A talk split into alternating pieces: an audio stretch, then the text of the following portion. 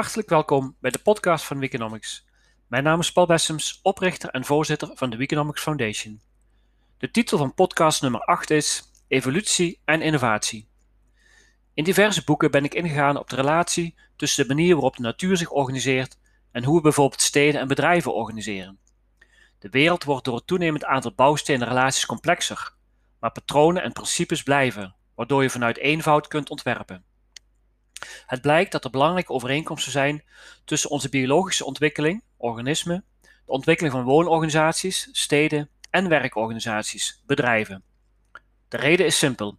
Het zijn allemaal systemen van mensen en mensinteracties. Een bedrijf lijkt een verzameling kantoren met afdelingen en werkplekken en een stad lijkt een verzameling wijken, straten en huizen.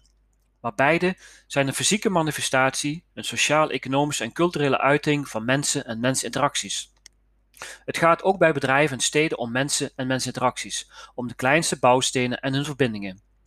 Ook al lijkt een bedrijf vooral een kantoor te zijn met computers en machines, als we kijken naar de manier waarop het georganiseerd is en zich ontwikkelt, is een bedrijf te vergelijken met een organisme. Het wordt geboren, het groeit, het leert, het neemt toe in omvang, het wordt minder flexibel, trager en uiteindelijk gaat het bedrijf dood. Woon- en werkorganisaties kennen vergelijkbare patronen en principes als natuurlijke organismen en netwerken. Alle drie de type organisaties zijn gericht op groei, economy of scale en het vergroten van de overlevingskansen, flexibiliteit. Onze gehele evolutie bestaat uit talloze systemen of regimewisselingen.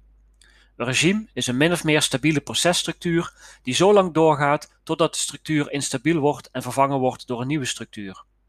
Oerknal wordt gas, gas wordt vloeibaar, vloeibaar wordt vast, vast wordt eencellig eencellig meercellig, meercellig gaat met elkaar paren en miljoenen jaren later ontstaat de Homo sapiens. De hele natuur en alles wat er daarbinnen gebeurt, dus ook de manier waarop we werk organiseren, bestaat uit kleinste delen en de dynamische samenwerking daartussen. Van Beverburg tot kasteel, van apenrots tot buurthuis, van mierenhoop tot multinational, van bijkorf tot hives. Alles wat we doen is het resultaat van miljarden jaren evolutie, waarbij vandaag voortbouwt op gisteren alsof het een lange ketting is van blokken die onlosmakelijk aan elkaar verbonden zijn en teruggaan naar de oerknal. Een soort blockchain zou je kunnen zeggen, die teruggaat naar, naar het eerste Genesis-blok. Er is eigenlijk geen duidelijke scheidslijn te trekken tussen evolutie en innovatie, omdat ook innovatie onderdeel is van evolutie. Bomen en mensen, bossen en bedrijven zijn vergelijkbaar georganiseerd. Principes en patronen die de biologische of natuurlijke evolutie sturen, sturen ook de niet-biologische evolutie. Dit betekent ook dat een systeem dat te instabiel is geworden, vervangen zal worden. Het systeem waarmee we werk en welvaart organiseren is te instabiel geworden, waardoor het vervangen zal worden. Evolutie en innovatie bestaan uit actie- en reactieprocessen. Deze actie-reactieprocessen kunnen in het klein plaatsvinden, bijvoorbeeld binnen een afdeling, maar ook in het groot, tussen landen. Als de VS en China een handelsconflict hebben, merken wij dat ook. Deze actie-reactieprocessen zijn het wezen van evolutie. Als er iets is dat gekopieerd of geïmiteerd kan worden met variatie en dat iets wordt geselecteerd en het geselecteerde wordt overgedragen, dan moet er een nieuw ontwerp vanuit het niets opduiken. Als er voortplanting, variatie en selectie is, dan moet er evolutie plaatsvinden. Darwin, Darwin was zich nog niet bewust van dit algoritme. Later zijn Darwins inzichten verwerkt in de universele evolutietheorie. Universeel Darwinisme is volgens Daniel Dennett in zijn boek Darwin's Dangerous Idea a scheme for creating design out of chaos without the aid of mind. Evolutie is innovatie zonder vooropgesteld plan. Het gebeurt zonder dieper doel en je kunt het niet uitzetten. Biologische evolutie bestaat, uit, bestaat zonder bewustzijn of ontwerp. Bij niet-biologische evolutie, bij innovatie, bij sociaal-culturele en technische ontwikkelingen speelt ons collectief bewustzijn, ons denkvermogen en helaas in mindere mate onze wijsheid een rol. Lossen problemen op, maar creëren met de oplossing ook nieuwe problemen. Een welvaartsmachine ontwikkelen die elke 30 jaar onze welvaart verdubbelt is mooi. Maar hoe zet je deze machine uit als het niet meer kan? We creëren met innovatie niet alleen problemen voor onszelf, maar ook en vooral voor onze leefomgeving en toekomstige generaties. Een verbrandingsmotor is mooi, maar creëert ook problemen voor onze natuurlijke habitat waar we afhankelijk van zijn. Lineair denken, ons bewustzijn en beperkt gebruik van ons denkvermogen dreigen roet in het eten te gooien van een evolutie die al miljarden jaren bezig is. We moeten ons hiervan bewust zijn. hierover nadenken en onze sterke eigenschappen in de strijd gooien. Verbeeldingskracht, op grote schaal kunnen samenwerken en technologie. Hierbij is wijsheid belangrijker dan big data, blockchain, artificial intelligence of Internet of Things. We worden overladen met data, informatie en kennis, maar we zijn niet in staat wijs te zijn. Edward de Bono hierover.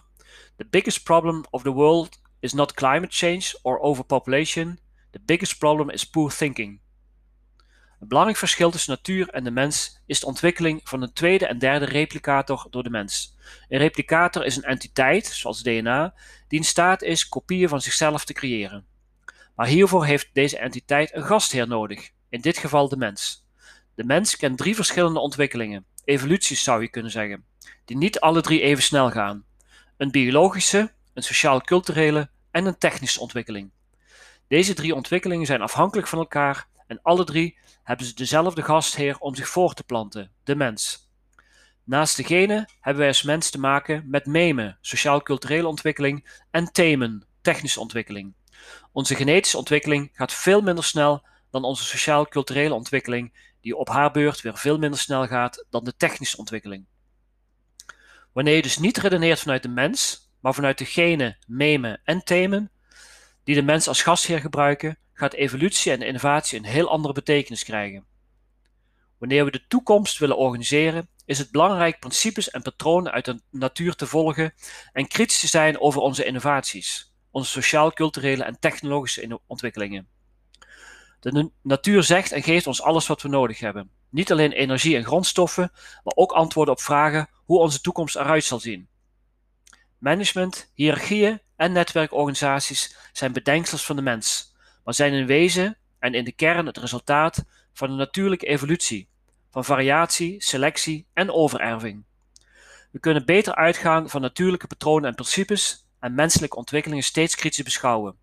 We moeten ons niet alleen aanpassen aan veranderende omstandigheden, maar voor een duurzame welvaart is het ook belangrijk na te denken over de consequenties van onze innovaties. Doen we dat niet, dan zal het experiment van Homo sapiens niet meer geselecteerd worden en uitsterven terwijl de natuur verder gaat. Tot zover deze podcast. Wil je meer informatie? Kijk dan op onze website weekonomics.org.